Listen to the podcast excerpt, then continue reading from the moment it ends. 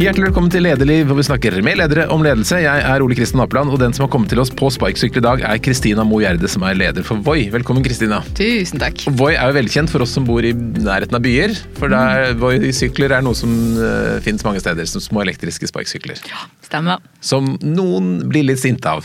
Ja, det forstår jeg. det forstår jeg. Vi har bringet mye eh, glede de siste tre årene også.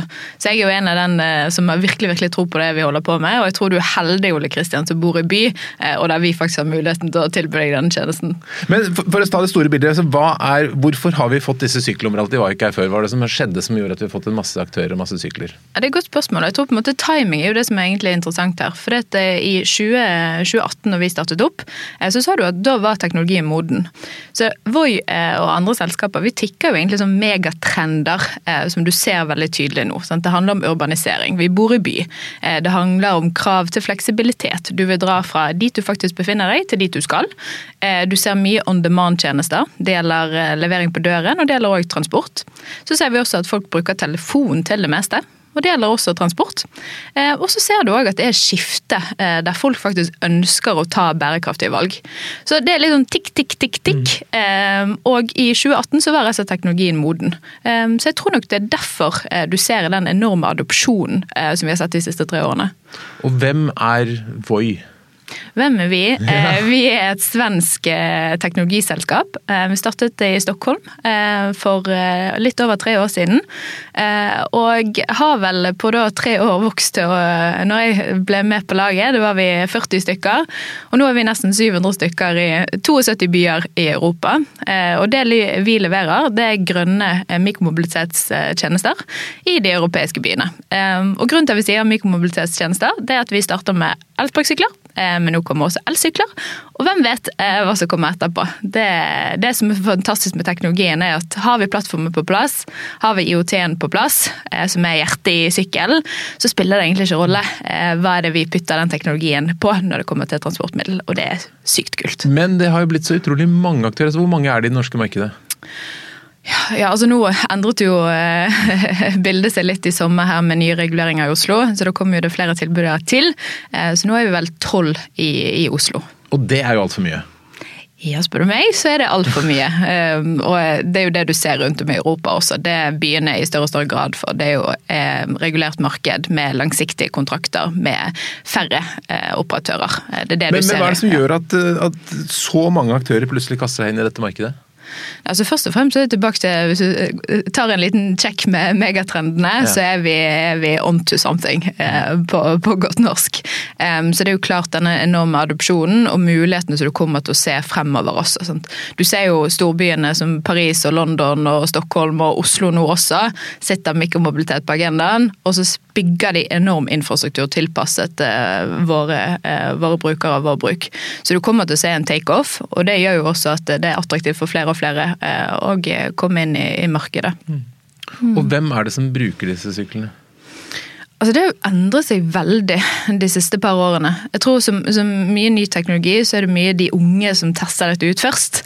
Gjerne mange av dem samtidig, jeg har sett på sykkelen. Ja, heldigvis har vi fått plass, eh, plass god regulering på det. Nå er ikke det lov å være to på en sykkel, så det er veldig veldig bra. Men du så jo veldig tydelig at det endret seg under covid også. Vi så jo med en gang at eh, ja, færre og færre skal bevege seg, men eh, bevegelsesmønsteret i byene det endrer seg.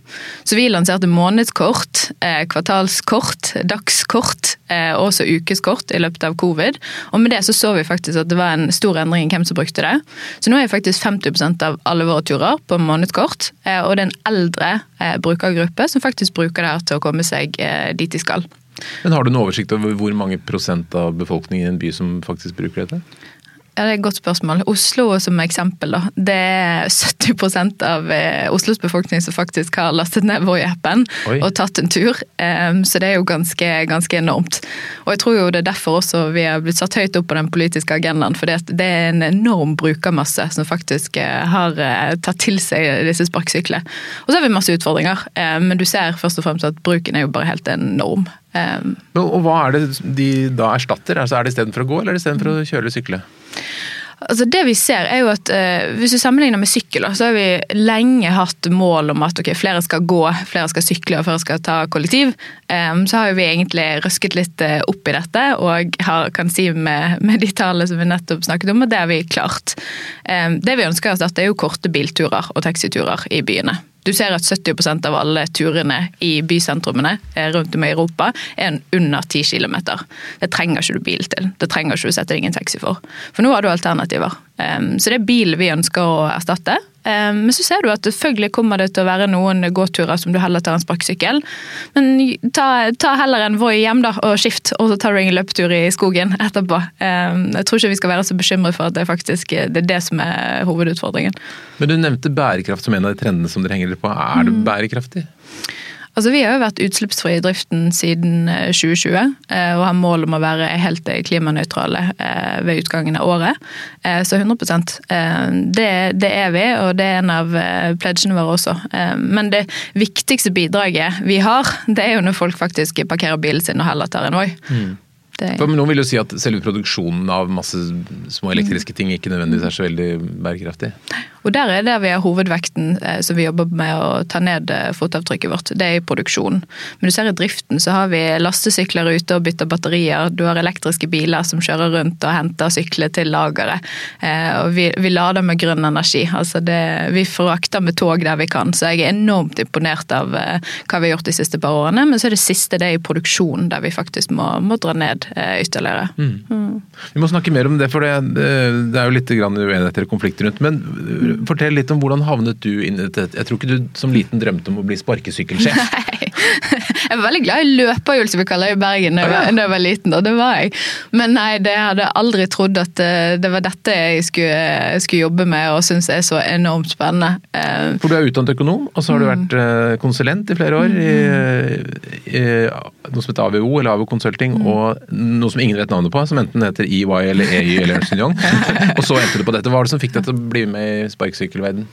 Nei, altså Jeg har alltid, eh, alltid vært glad i eh, teknologi eh, og mulighetene som ligger der. Jeg har alltid eh, hatt lyst å jobbe med noe som jeg mener er et av våre hovedutfordringer, og det er å få ned eh, utslippene. Eh, også eh, veldig glad i problemer. Um, så jeg var en god problemløsende. fått mye av det. Fått, eh, blitt god på problemløsning som, som konsulent. Og så flyttet jeg til Stockholm. Eh, jobbet med AVO der. Eh, vi var teknologikonsulenter i et veldig spennende teknologi- og startup-miljø i Stockholm. Så sa jeg faktisk opp jobben. Eh, skulle starte for meg sjøl. Helt til jeg møtte de som er gründerne i Avoy, Voi, eh, som sa ja, men da, nordmenn kan jo ikke starte. Nå må du komme her og lære hvordan er det vi, vi svenskene gjør det. Um, Hva har du tenkt å starte da?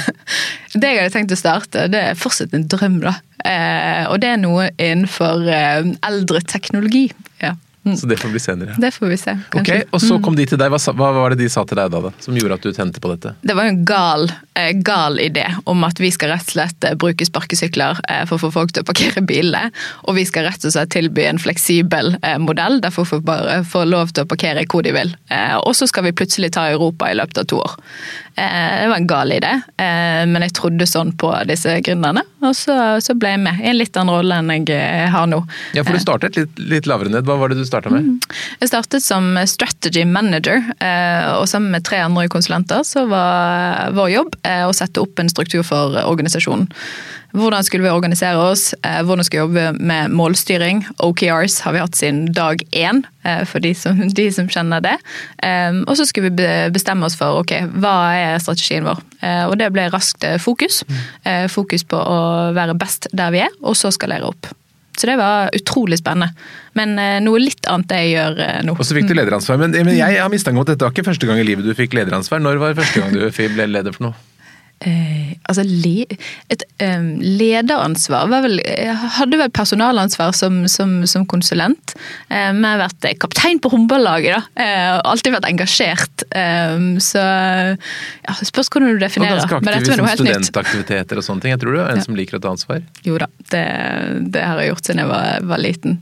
Men eh, jeg er veldig ydmykt for at eh, dette lederansvaret det er blant det vanskeligste og tøffeste jeg noen gang har gjort. Ekstremt givende, men det har vært eh, tøft. Er det noen eh, personer som du har hatt som forbilder når det gjelder ledere, som du tenkte at jeg skal bli en leder som skal bli sånn og sånn leder, eller har du ikke, har du ikke sett for deg at du skulle bli en leder? Jeg, tror det blir, eh, jeg tror det blir løgn å si at jeg ikke har eh, ønsket å ha et mål om å bli leder. Og det tror jeg handler om at eh, måten jeg er bygd på, så har jeg lyst til å få til endring. Jeg har lyst til å skape noe, og lyst til å skape noe med mening og påvirkning sammen med noen. Så da tror jeg det lå litt naturlig, og jeg engasjerer meg veldig. Men leder Jeg er inspirert av mange, da. Og det trenger ikke være en leder, men det er, det er i hele organisasjonen. Men jeg tror faktisk så klisjéfullt at den beste lederen jeg vet, det er min far. Ja, Så hyggelig. ja. Hva er det som er så bra med han? han ser alle rundt seg eh, på en helt unik måte, eh, og evner å få med seg folk eh, på den måten. Så det er virkelig, virkelig inspirerende. Det er veldig hyggelig. Ja. Men eh, nå har du jo fått ansvar for hele Norden. Da. Du har gått fra, fra å være vært sjef for Norge og Finland en stund, så blitt Norden-sjef. Mm. Og når du da skal være leder, har du noen klar tanke om hvordan du vil at de ansatte skal oppfatte deg som leder? Ja, jeg tror bevisst og ubevisst. Ehm, jeg tror som, som leder så er jeg, ehm, jeg er tydelig.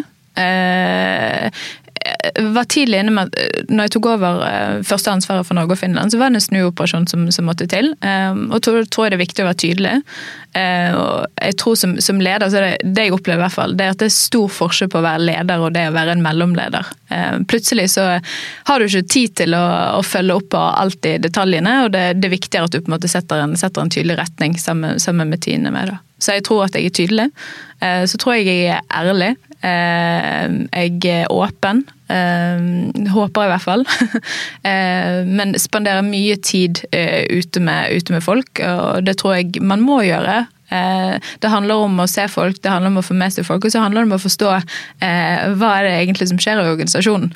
For en av tingene som jeg har lært som leder, det er at du kan ikke ha detaljkunnskap om alt. Du skal heller ikke ha detaljkunnskap om alt, men du skal klare å fange opp hva som faktisk er viktig, og det må gå inn i, i retningen. Så tror jeg det handler også om dette med kommunikasjon. Det kommuniserer begge veier eh, hele tiden. Det er ekstremt strekt viktig. Mm. Men så tror jeg eh, altså det har vært utfordrende eh, for alle eh, de siste par årene. Fordi at vi, vi, lever i en verden der det er så mye endring hele tiden. Eksternt, også internt. Vi beveger oss fort, og til tider òg litt for fort i forhold til de eksterne rammebetingelsene som vi opererer under. Spesielt da i forhold til regulering. Da. Hva syns du har vært vanskeligst med å få lederansvar? Jeg tror det er nettopp det, da.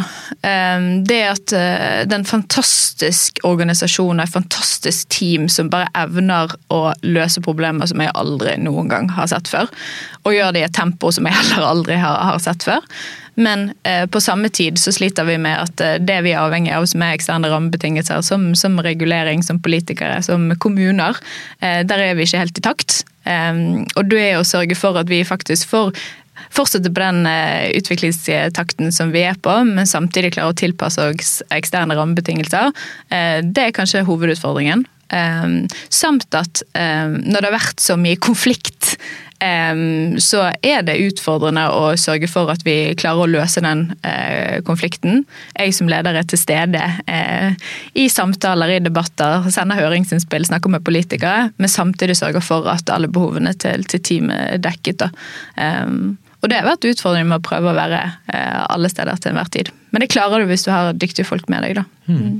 For det, konflikt er jo det, det er jo kanskje der, der du har vært mest synlig, nettopp mm. som sånn eh, krangling med kommuner på ulike yes. måter. Mm. Hadde du forutsett at det skulle bli så mye konflikter rundt å rulle ut sparkesykkelordning?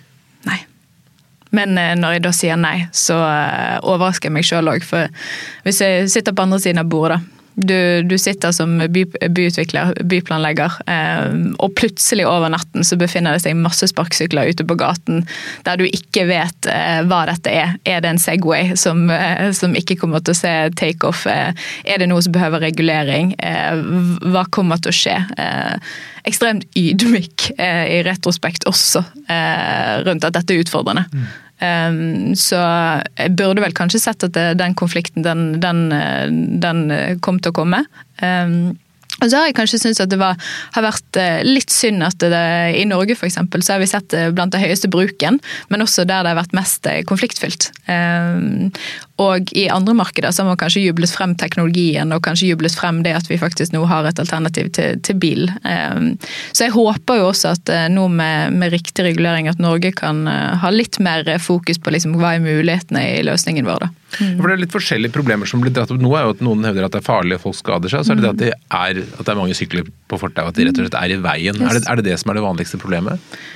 Ja, jeg tror nok Hovedutfordringene våre knytter seg til en infrastruktur. Det er alltid en konflikt om arealet. Eh, det ser vi, det er ikke unikt for, for sparkesykler. Så det, det, handler om at sparkesykler òg trenger et hjem i byen. De trenger parkeringsplasser. De trenger eh, sykkelfelt, eh, sykkelbaner. Eh, og Da ser vi at et, et eh, grønnere byråd nå i Oslo har, har gjort mye. Eh, men jeg ser òg at vi har lang vei å gå når det kommer til å sammenligne oss med andre byer som, som København og Stockholm f.eks. Ja, hvor er det mest vellykket? Eller si, minst konfliktfylt? Jeg vil si at eh, Paris er litt sånn inspirasjonsbyen akkurat nå. Eh, der har jo borgermesteren Hidalgo eh, gått ut og sagt ok, jeg skal bygge 15-minuttsbyer. Så uansett hvor du bor og befinner deg i Paris, så skal du komme deg rundt på sykkel og elsparkesykkel eller gange. Og nå røsket opp veier rundt i hele byen. Og nå tror jeg vi er oppe i 5000 sparkesykkelparkeringer i Paris. Så det er ambisiøst, det er visjonært og kult. Mm. Mm. Men um, det har jo utløst noe enormt sterke følelser hos folk. altså mm. Leserinnlegg og folk som mm. kaster sykler i elva og maler over QR-koder. Mm. Hadde du gjettet at det kunne bli så sterkt engasjement? Heldigvis er det blitt bedre, eh, og jeg skjønner jo de som har vært frustrert. Eh, det har vært et totalt frislipp og mangel på regulering, så jeg forstår jo pushbacken. Og så er det litt sånn her eh, Det er så synlig for alle. Det, alle kan ha en mening om det, for det, påvirker deg, og det påvirker meg, det påvirker ikke-brukere, og det påvirker de som bruker byrommet. Så jeg skjønner jo at folk har vært skikkelig irritert. Men heldigvis, det som med, med tagginger og kaste i elva, det er forbedret seg. Eh, og det tror jeg handler om at vi er nå inne i år tre. Eh, og det begynner å komme under litt mer regulerte former. Men eh, det har jo vært en enorm ledelsesutfordring. Det det òg Når du jobber med så mange som har så mye motivasjon og så mye engasjement og så mye eierskap til det vi holder på med, og så har du så mye motstand. Det er Hvordan er det virket på folk når, når det er så mye negativitet? Vi merker jo internt at folk er blitt veldig frustrerte og sinte. Eh, men der har jo vi òg en jobb å gjøre med det å kommunisere hva det vi faktisk gjør med problemene. Det er på oss. Eh, og det jeg har opplevd, er at det har vært litt vanskelig å få, få ut, fordi det har vært så konfliktfylt. Hva er det vi faktisk gjør for å løse alle disse problemene? Fordi det finnes løsninger på alt dette. Eh, så jeg tror det er det òg teamet har følt veldig på, at vi gjør så mye, men det blir ikke sett. Mm. Mm. Kan du ikke beskrive for oss hvordan denne organisasjonen ser mm. ut f.eks. Ja. i Oslo eller Norge, for det er ikke så lett å se fra utsiden? Ja. Altså, um, veldig godt spørsmål, for jeg tror forretningsmodell og organisasjon det er det man sist tenker på når du tenker på, på elsparkesykkel. Men det er jo et enormt system eh, bak. Så vi er en matriseorganisasjon eh, der støttefunksjoner eh, sitter i Stockholm, i HQ. Uh, og i de lokale markedene så har vi alt fra policy Eh, som jobber opp mot eh, politikere og kommunene. Så har vi Growth, eh, som fokuserer på vekst, mye Analytics. Så har vi Operations, som sørger for at vi rett og slett optimaliserer flåten basert på den dataen vi ser.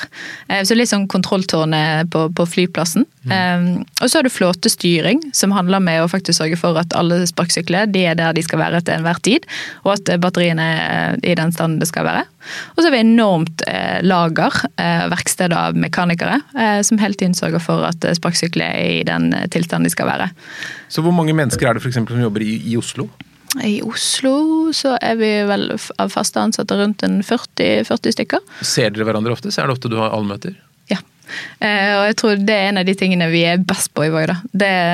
Litt med bakgrunn i svensk selskap. Det er veldig, veldig konsensus, veldig åpenhet. Så vi har eh, all hands-møter hver mandag der vi går gjennom eh, tallene. Vi går gjennom hva er utfordringene i hvert marked. Og til daglig så snakker vi med alle markedene. Vi er i tolv land nå, og vi snakker til daglig med alle tolv landene. Og det er dødskult det er utfordringer som er like uavhengig av hvor du befinner deg. Om det er regulatorisk, eller om det er driftsmessig, eller på teknologisiden. Um, så det syns jeg er utrolig utrolig kult. Og så blir jeg litt nysgjerrig når du snakker på alle analysene, sånn, da vet du mm. alt om hvordan folk reiser. Hva er det som er for mm. de mest populære rutene, og når og hvor? og sånn, for å Si litt i tall om Oslo f.eks. Mm.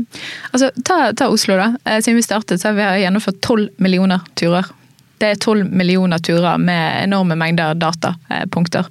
Um, og vi kan jo akkurat nå uh, se i kartet hvor alle de tolv millionene turene har vært, og hvor uh, de topp tre turene har vært mellom åtte og ni i morges. Og det er ekstremt kult. Og, og hvor er topp tre-turene i Oslo? Du ser Barcode er veldig veldig populært i morgenrushet. Så ser du også at Bislett, Sankthanshaugen, spesielt før klokken åtte, så er det en populær rute. Eh, passer også overens med at kollektivtilbudet er litt, litt dårligere akkurat der. Og så ser du også at eh, ut fra alle knutepunktene som Oslo S Nasjonal, eh, Jernbanetorget, der er det hot, hot nodes og hot punkter. Spesielt i forbindelse med, med morgenrushet og ettermiddagsrushet. Mm. Dere blir, blir det en slags forlengelse av Ruter og, og Vy? Mm. Det ser du veldig tydelig. Så vi har jo analyse på det også, at vi ser at eh, Norge f.eks., der er jeg tror det var 57% av turene våre de tar som en da, det vi kaller en intermodal reise. Eh, så det at du faktisk tar det som en del av en lengre reise, da. Eh, og det er høyest i Europa.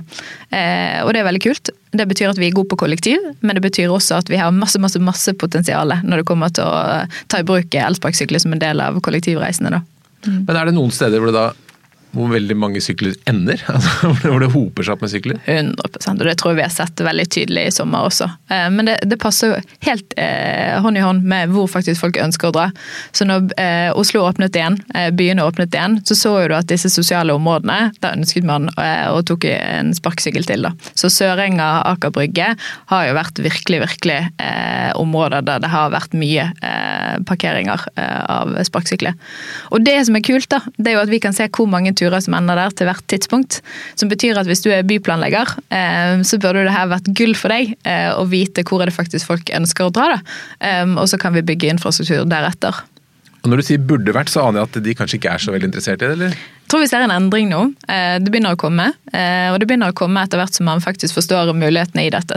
Det, vi har en eh, dataplattform og en teknologi som gjør at alle sparkesykler i byen de pinger inn data hvert sekund. Og dette er jo gull for byplanleggere i forhold til at vi kan tenke nytt om infrastruktur. Vi kan tenke nytt om byer og faktisk se på hvor det folk ønsker å dra. Og så kan vi bygge infrastruktur deretter. Så jeg tror nok det begynner å komme, men det er fantastiske muligheter som fortsatt vi ikke har utnyttet utnyttes hos dag. Men generelt så har vel inntrykk at samarbeidet mellom, mellom eh, politikere, administrasjon og dere ikke har vært sånn optimalt. Når dere kom, var det helt overraskende? Bare satte dere sykler, eller hadde dere advart noen på forhånd? Det er veldig forskjell fra selskap til selskap, men vi har sagt at vi aldri skal etablere oss i en by der vi ikke har fått godkjenning av, av kommunene. Eh, så vi har fått godkjenning i alle byene som vi, som vi har etablert oss av. Og så er det veldig forskjell på byene, både i Norge og i Finland og i Sverige og i Danmark og i resten av Europa, rundt hvordan det samarbeidet har vært. Så ta Bergen som eksempel. Det har vært enormt eh, tett og godt samarbeid med operatørene som har vært i Bergen. Og de har satt av ressurser som faktisk jobber utelukkende med å finne gode eh, løsninger for de problemene som har vært. Så eh, veldig varierende. Eh, men det begynner òg å komme. Sant? Du ser nå at når anbudene begynner å komme, reguleringsmodellene begynner å komme, så krever det at begge setter til side ressurser for et samarbeid. Og så må vi samarbeide med kommunene. Vi må samarbeide med kollektivtransportselskapene. For det her går så fort. Så idet du har rukket å si vi har en utfordring med to på en sykkel, så har vi funnet en løsning på det. Men da må vi òg få muligheten til å ta i bruk den løsningen. Um, og Det samme gjelder parkeringskaoset, som rett og slett har vært i sommer. Uh, vi hadde én utfordrende helg der alle plutselig ville på en sparkesykkel og ned til Aker Brygge. Um, men det tok oss et par timer å finne en løsning som gjorde at vi aldri hadde problemer igjen der. Og det er så raskt det går. Men da må vi legge til rette for at vi faktisk får, får samarbeide med kommunen på det. Mm. Men erkjenner de fleste kommunene nå at dette er noe som har kommet for å bli? Ja. Og det er en eh, enorm endring eh, fra jeg startet i vår. Så det ser jeg veldig tydelig. Og ikke bare eh, anerkjenner man at dette er kommet for å bli, det er ingen Segway. Det ser du på, på bruken, det ser du på tallene. Men også at man faktisk ser det som en del av byplanlegging. Så eh, vi har snakket lenge om eh, altså, alt fra, fra, toppen av Samferdselsdepartementet eh, til Statens vegvesen, som har det i planene sine. Hvordan skal de integrere mikromobilitet. Um, så der ser du, en, ser du en endring, og det er kult. Og det er jo ganske raskt da, hvis du tenker i et sånt stort perspektiv, at et nytt, uh, ny reiseform kan etablere seg på bare et par år. Men det har vært helt altså, ta, ta bruken nå, da. Vi har flere turer enn det som er gjennomført med trikken som har vært i Oslo i uh, over 100 år. Så det er jo noe som disse sparkesykler faktisk uh, dekker av et eller udekket behov i, i dag, da.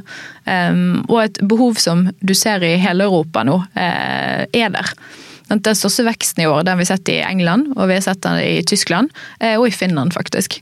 Og det er helt i tråd med det du ser i forhold til hvor ambisiøse er eh, kommunene, hvor ambisiøse er politikerne når det kommer til å bygge infrastruktur, eh, policy på, på bilbruk. Det ser vi direkte impact av når det kommer til vår egen bruk. Og så er det etter hvert som vi får forbedret teknologi, forbedret produkt, så kan vi også ta ned prisen og tilby mer, eh, ja, eh, bedre pris, prisprodukter og prisalternativ, som månedskort. Mm. Men sånn Apropos penger, er dette en lønnsom virksomhet, eller er det mm. finansiert opp av folk som håper på noe i fremtiden? Ja, altså eh, Som start så er vi finansiert av store eh, venture capital-selskaper. Eh, vi hadde som mål å være lønnsom i 2021. Jeg har flyttet det. og Grunnen til at vi har flyttet det til 2022-2023 er rett og slett det politiske. Så vi ser veldig tydelig at lønnsomheten den avhenger også av hvordan er de politiske rammebetingelsene.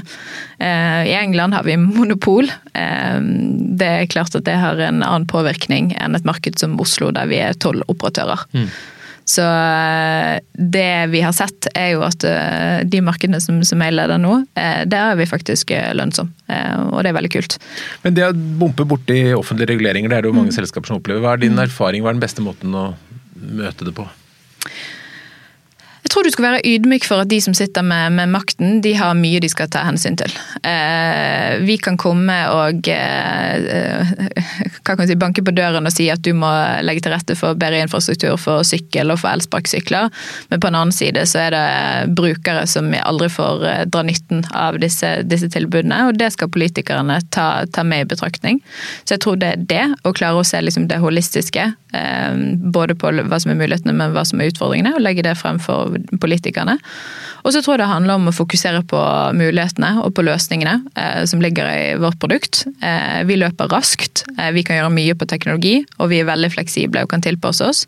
Men da må vi få dette frem til politikerne også, og sørge for at vi da får rammebetingelser som gjør at vi faktisk får ta, får ta det i bruk. Så fleksible reguleringer. Eh, og så tror jeg det handler om å faktisk hva kan du si være delaktig og være aktiv i debatten. Eh, og være synlig og tydelig på, på, disse løsningene. Det er jo litt sånn som jeg mener kanskje at Uber gjorde litt feil. da. Hva skjedde med Uber i Norge? Sant? Det var takk og farvel, kom tilbake om tre år. Litt fordi at man ikke fant en god måte å regulere det på. Og det har vi vært veldig bevisst når vi startet opp, at vi ønsket å gjøre det annerledes. Vi ønsket å gjøre det i samarbeid med kommunene. Um, og det har du sett påvirkning av nå. Sant? Nå har vi, Alle de norske byene har sagt ja til dette, og alle de norske byene sitter nå sammen med oss på, på skrivebordet og tegner opp hvordan dette faktisk best kan, kan fungere. Men øh, Du kan jo snakke for deg og for, for dere, mm. men dere er jo en hel haug med mm. selskaper. da. Hvordan mm. føles det på en måte å være i front av en bransje? Det er sikkert ganske varierende. Har du klart å samle det feltet? Eller har dere klart å samle dere? Jeg vil si ja og nei. Sant? Vi tar I Europa så er det, det, det, er veldig forskjellige selskaper. Du har noen amerikanske selskaper med, med en, en, modell som vi har sett med Facebook, en modell som du har sett med Uber, eh, som er litt eh, ulikt det som de europeiske selskapene har. Der det er veldig fokus på samarbeid. Eh, og så har du mindre selskaper som, eh, som, ikke har de samme mulighetene som ligger i kanskje vårt selskap. Da. Eh, og det har vært litt utfordrende når du skal finne liksom, okay, hva, er det, hva er det beste for brukerne, hva er det beste for byen og hva er det beste for operatørene. At vi har ulike muligheter. Ehm, så jeg tror eh, vi har vært veldig på å fokusere på at dette handler om å vokse det totalmarkedet. Sant? Ehm, totalmarkedet av elsparkesykler, eh, elsykler. Eh, og da må du samarbeide. Ehm, men det har vært utfordrende, og det så du spesielt nå når Oslo skulle reguleres. At vi var ikke helt enig i løsningen. Mm. Og hva har blitt løsningen i Oslo nå? Heldigvis er det en midlertidig løsning, det har de sagt, sagt selv. At 1.4 så skal det komme en ny modell på plass. Men nå ble det slett et frislipp der det var tolv operatører med likt antall sparkesykler som fikk lov å etablere seg. Så litt sånn som Transportøkonomisk institutt. Egentlig det verste fra alle verdener, men heldigvis er det en prøve, prøveperiode frem til 1.4. Og hva skjer etter 1.4? Da tror jeg at vi kommer til å ta opp antall sykler igjen. Eh, så tror jeg de kommer til å gjøre det samme som resten av Europa har gjort, og det er å sette tak på antall operatører. Eh, men enorme krav til oss når det kommer til hvordan dere har tenkt å løse parkeringsutfordringen. Hvordan dere har tenkt å løse eh, ulykker knyttet til, til fyllekjøring f.eks. Mm. Hvordan dere har tenkt å integrere dette langsiktig med kollektivtransporten f.eks. Det tror jeg kommer til å skje også i, Norge. da. Mm. Men En ting er jo det politiske diskusjoner, men du har jo også fått en del oppmerksomhet i media og sosiale medier. og Ganske mye stygg hets, faktisk. Hva, mm. hva gjør det med deg? Det er jo klart at det er ikke kjekt. Eh, heldigvis, da, så har jeg et enormt godt apparat rundt meg. Og vi er veldig sammensveiset og litt naive, kanskje, vil jeg si, i forhold til hva vi prøver å, å oppnå. Eh, og jeg tror det Den liksom mål, eh, målfokus eh, og det visjonære som gjør at du på en måte har stått i, stått i stormen, da. Og det er litt tilbake til det du spurte om i sted. Hadde du sett for deg denne konflikten? Nei. men, men grunnen til at vi har klart å håndtere det, er at jeg har så fine folk rundt meg og vi har så eh, godt apparat rundt oss. Eh, og så at vi har veldig tro på det vi holder på med. Så det har gjort at det har prellet ganske greit av. Men det er jo ikke kjekt å bli, bli hengt ut, eller Det er aldri gøy. Det er det ikke. Men, men det òg er blitt bedre. Det ser du veldig tydelig. Og vi får veldig gode tilbakemeldinger på at vi fokuserer på å løse problemene. Og det tror jeg er det eneste vi kan gjøre gjøre jobben på en skikkelig skikkelig god måte. Eh, og vise at eh, det finnes løsninger på problemene. For problemene ser vi òg. Men så har du også fått mer medieoppmerksomhet og mer møte med journalister enn det mange ledere får i løpet av et helt liv. Ja. hva, hva har du lært av det? Jeg har lært at uh, dette, var, dette, var, noe helt nytt. Men uh, jeg har lært at det, det er en del av jobben. Uh, og jeg har lært hvor viktig det faktisk er. Uh, spesielt med vi som er New Kids on the Block nå, er helt nytt, uh, som faktisk trenger å bli satt på en politisk agenda. og med enorm brukermasse bak oss, så er det viktig at vi òg er en stemme i debatten. Men ja, det, det her, her, er noe jeg aldri hadde gjort før. Så Men Har du lært deg noen ting som kan være nyttig for andre, om hvordan man bør håndtere journalister? Jeg vil si det viktigste er at um, du, uh, du er trygg på det dere holder på med. Uh, og du er trygg på det vi gjør, og vet at vi gjør det beste vi kan. og er ærlig. grunnen til at jeg har tørt å stå i disse debattene og tørt å stå i stormen, det er at jeg er så stolt av hva vi faktisk gjør. Og det har vært en mulighet til å faktisk få frem det vi faktisk gjør. Så jeg vil si at du må, være, du må være trygg på at dere faktisk jobber på de riktige tingene. Og så vil jeg si være ærlig. Være ærlig på at det er utfordringer. Være ærlig på at eh, ingen er perfekt. Um, og i det er også selvfølgelig ydmyk for at det er mer enn bare din, din forretning eh, som er viktig å ta hensyn til. Eh, for oss er det eh, både brukerne, men også de som ikke bruker tjenesten. Ehm, og det må du være ydmyk på. Syns du journalistene behandler deg pent? Det syns jeg faktisk. Mm. Ja, det syns jeg. Men det er jo klart at det er jo min jobb og vår jobb også å sitte oss i respekt. Eh, det, jeg tror du raskt kan bli et eh, ja, eh, gå ned en vei der du kan ta altså Vi kunne tatt en offerrolle, ikke sant. Men heller ha fokusert på at vi skal fokusere på løsningene og løse problemene som er der. Men ja. Hva, hva, på den tiden du nå har ledet Du, du har gjort noe riktig da, siden du rykker opp til Nordensjef, men, men, hva føler du selv at du har lært mest av underveis? Hva er den, liksom, hvordan har du, hva er den viktigste ledererfaringen du har gjort? Jeg tror det er flere ting. Eh, men jeg tror det eh, først og fremst å være ydmyk for det du kan og det du ikke kan. Jeg tror før som, som, konsulent så skulle du være en eh, du skulle være litt sånn ekspert, og du skulle samtidig eh, sørge for at du, du, kom med både problemer og løsninger.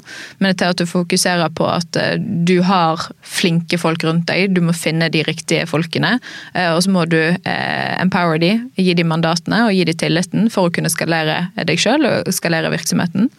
Og så tror jeg det handler om å være viktig og fokusere på de riktige tingene, og det gjør du eh, gjennom å jeg kaller det sånn focus on the reds. Så hva er viktigst at jeg faktisk fokuserer på akkurat nå, og prioriterer de tingene.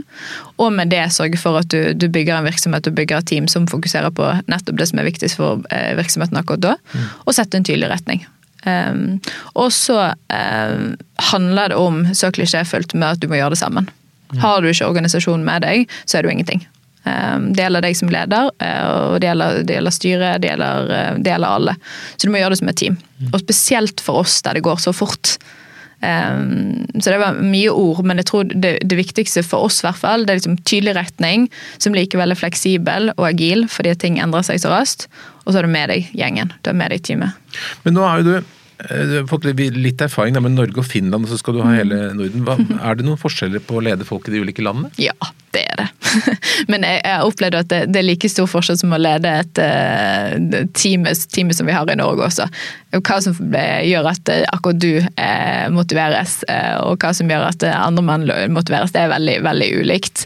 Eh, men det er kulturforskjeller. Det ser jeg veldig tydelig mellom eh, Norge og Finland, og også mellom Sverige og Danmark.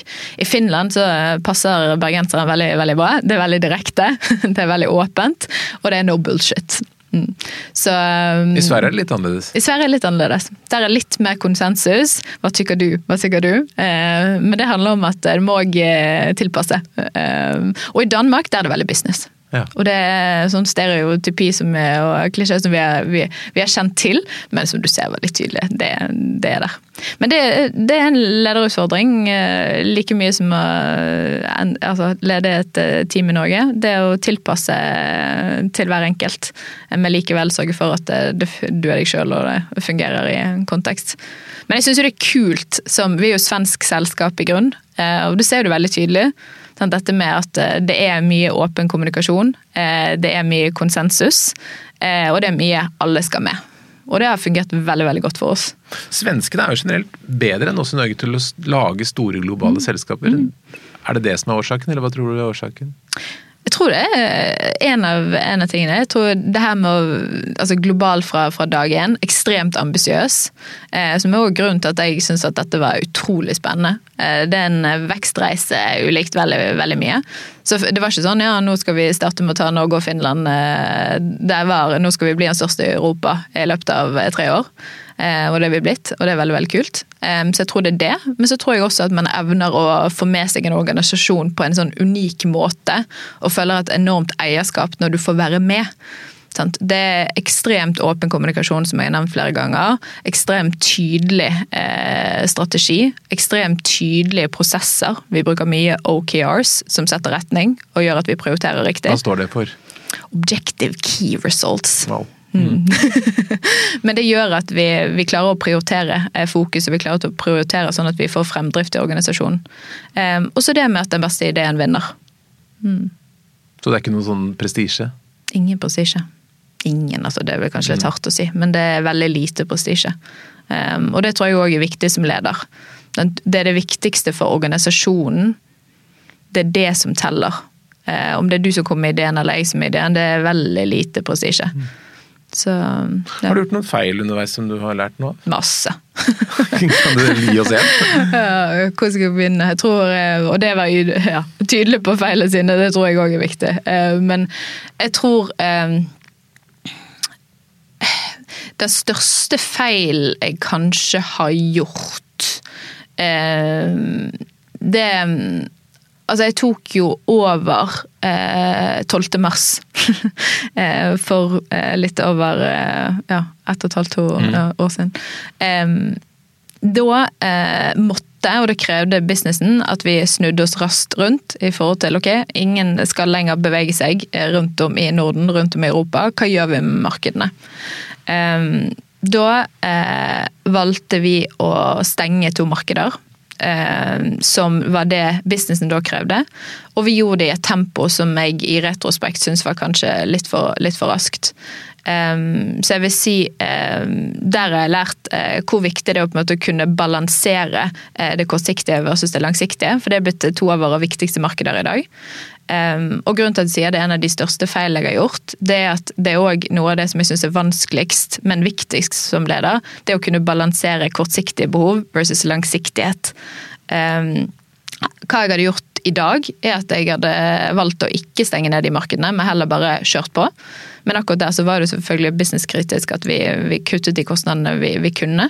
Eh, og grunnen til at jeg sier at beslutningen hadde vært annerledes, det er at jeg er blitt tøffere i det å stole på eh, seg selv, stole på organisasjonen, og tørre å ta litt mer eh, i valg, da. Um, ja. Jeg har ikke tenkt over hva de sa, jeg bare vet at jeg har gjort masse feil. Men, uh, Men det er fint at du føler at du lærer å bli tøffere etter hvert. Ja, ja. Men jeg vil si det, det er en av tingene.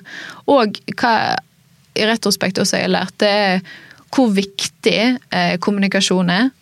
Det er jo sånn typisk man, man hører liksom, viktig med kommunikasjon, og du kan aldri, aldri, kommunisere for mye. Men det er jo også en sånn ting som man alltid feiler på. Man glemmer, og så tenker man ja, men det er jo, det, det, det skjønner man, eller det har man sagt noen ganger. Men det med å gjenta, gjenta, gjenta og overkommunisere, det vil jeg si er det andre som man, man alltid feiler litt på, eller alltid kan, kan forbedre. Mm. Mm. Hvis du ser litt fremover, hvordan kommer sparkesykkelverden til å se ut om fem-ti år? Jeg tror vi kommer til å fortsette å se den enorme veksten eh, i nye, nye markeder eh, blant nye brukere. Sånn, du ser Den største veksten i året har vært eh, 35 pluss eh, og kvinner. Eh, så jeg tror vi kommer til å se enormt mye nye brukergrupper og enorm vekst. Så tror jeg for vår egen del så kommer vi til å fortsette teknologiutviklingen eh, med nye kjøretøy. Nå kommer elsykler som en big bang til neste år. Så tror jeg vi kommer til å se enda mer av det. Og så tror jeg eh, vi kommer til å ha eh, gode teknologiske løsninger på alle de problemene som vi har hatt til nå. Eh, jeg tror at byene kommer til å ta drastiske grep når det kommer til infrastruktur, som òg feeder opp under veksten, men òg gjør at vi får mindre, mindre utfordringer. Um, og så tror jeg at vi tar i bruk den dataen som ligger i dette, uh, faktisk verdens første heldigitale kjøretøy, um, på en unik måte.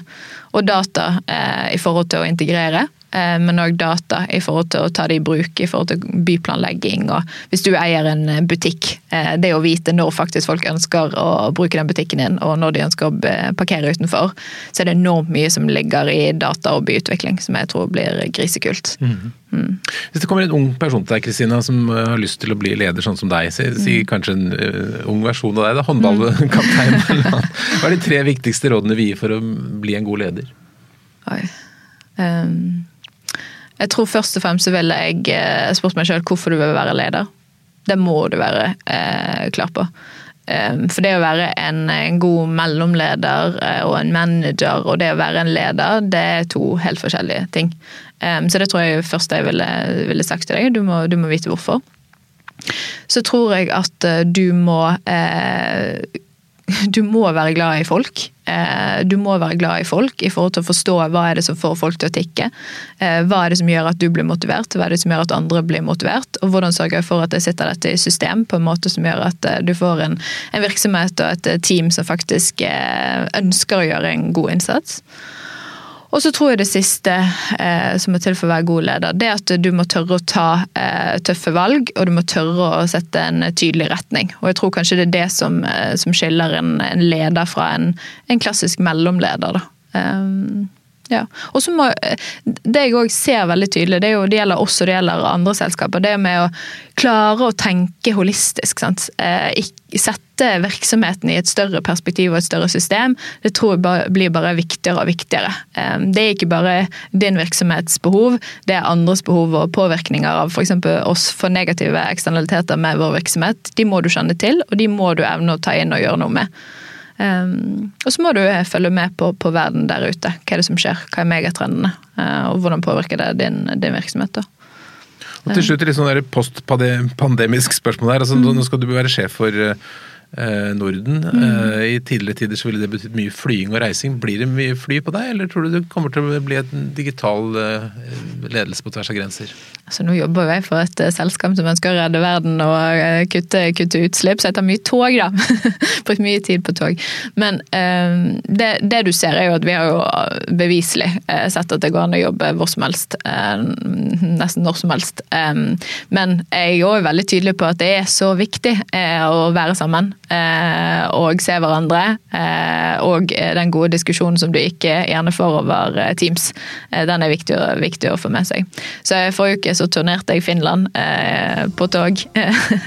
og jeg tror nok det kommer til å fortsatt være mye av det. Men de unødvendige, spesielt eksterne møtene og eksterne reisene, de tror jeg vi kommer til å ta ned. ja. Bra. Kristina Mojerdi, tusen takk for at du kom til Edelig. Takk for meg.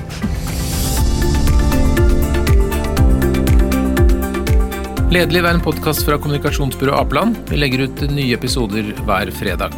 Redaksjonen består av Ellen Paulsen, Lars Jarle Melum, Lars Volden og meg, som heter Ole Kristian Apeland. Send e-post til tipsatlederliv.no, eller rett til meg på oleatapeland.no. Takk skal du ha.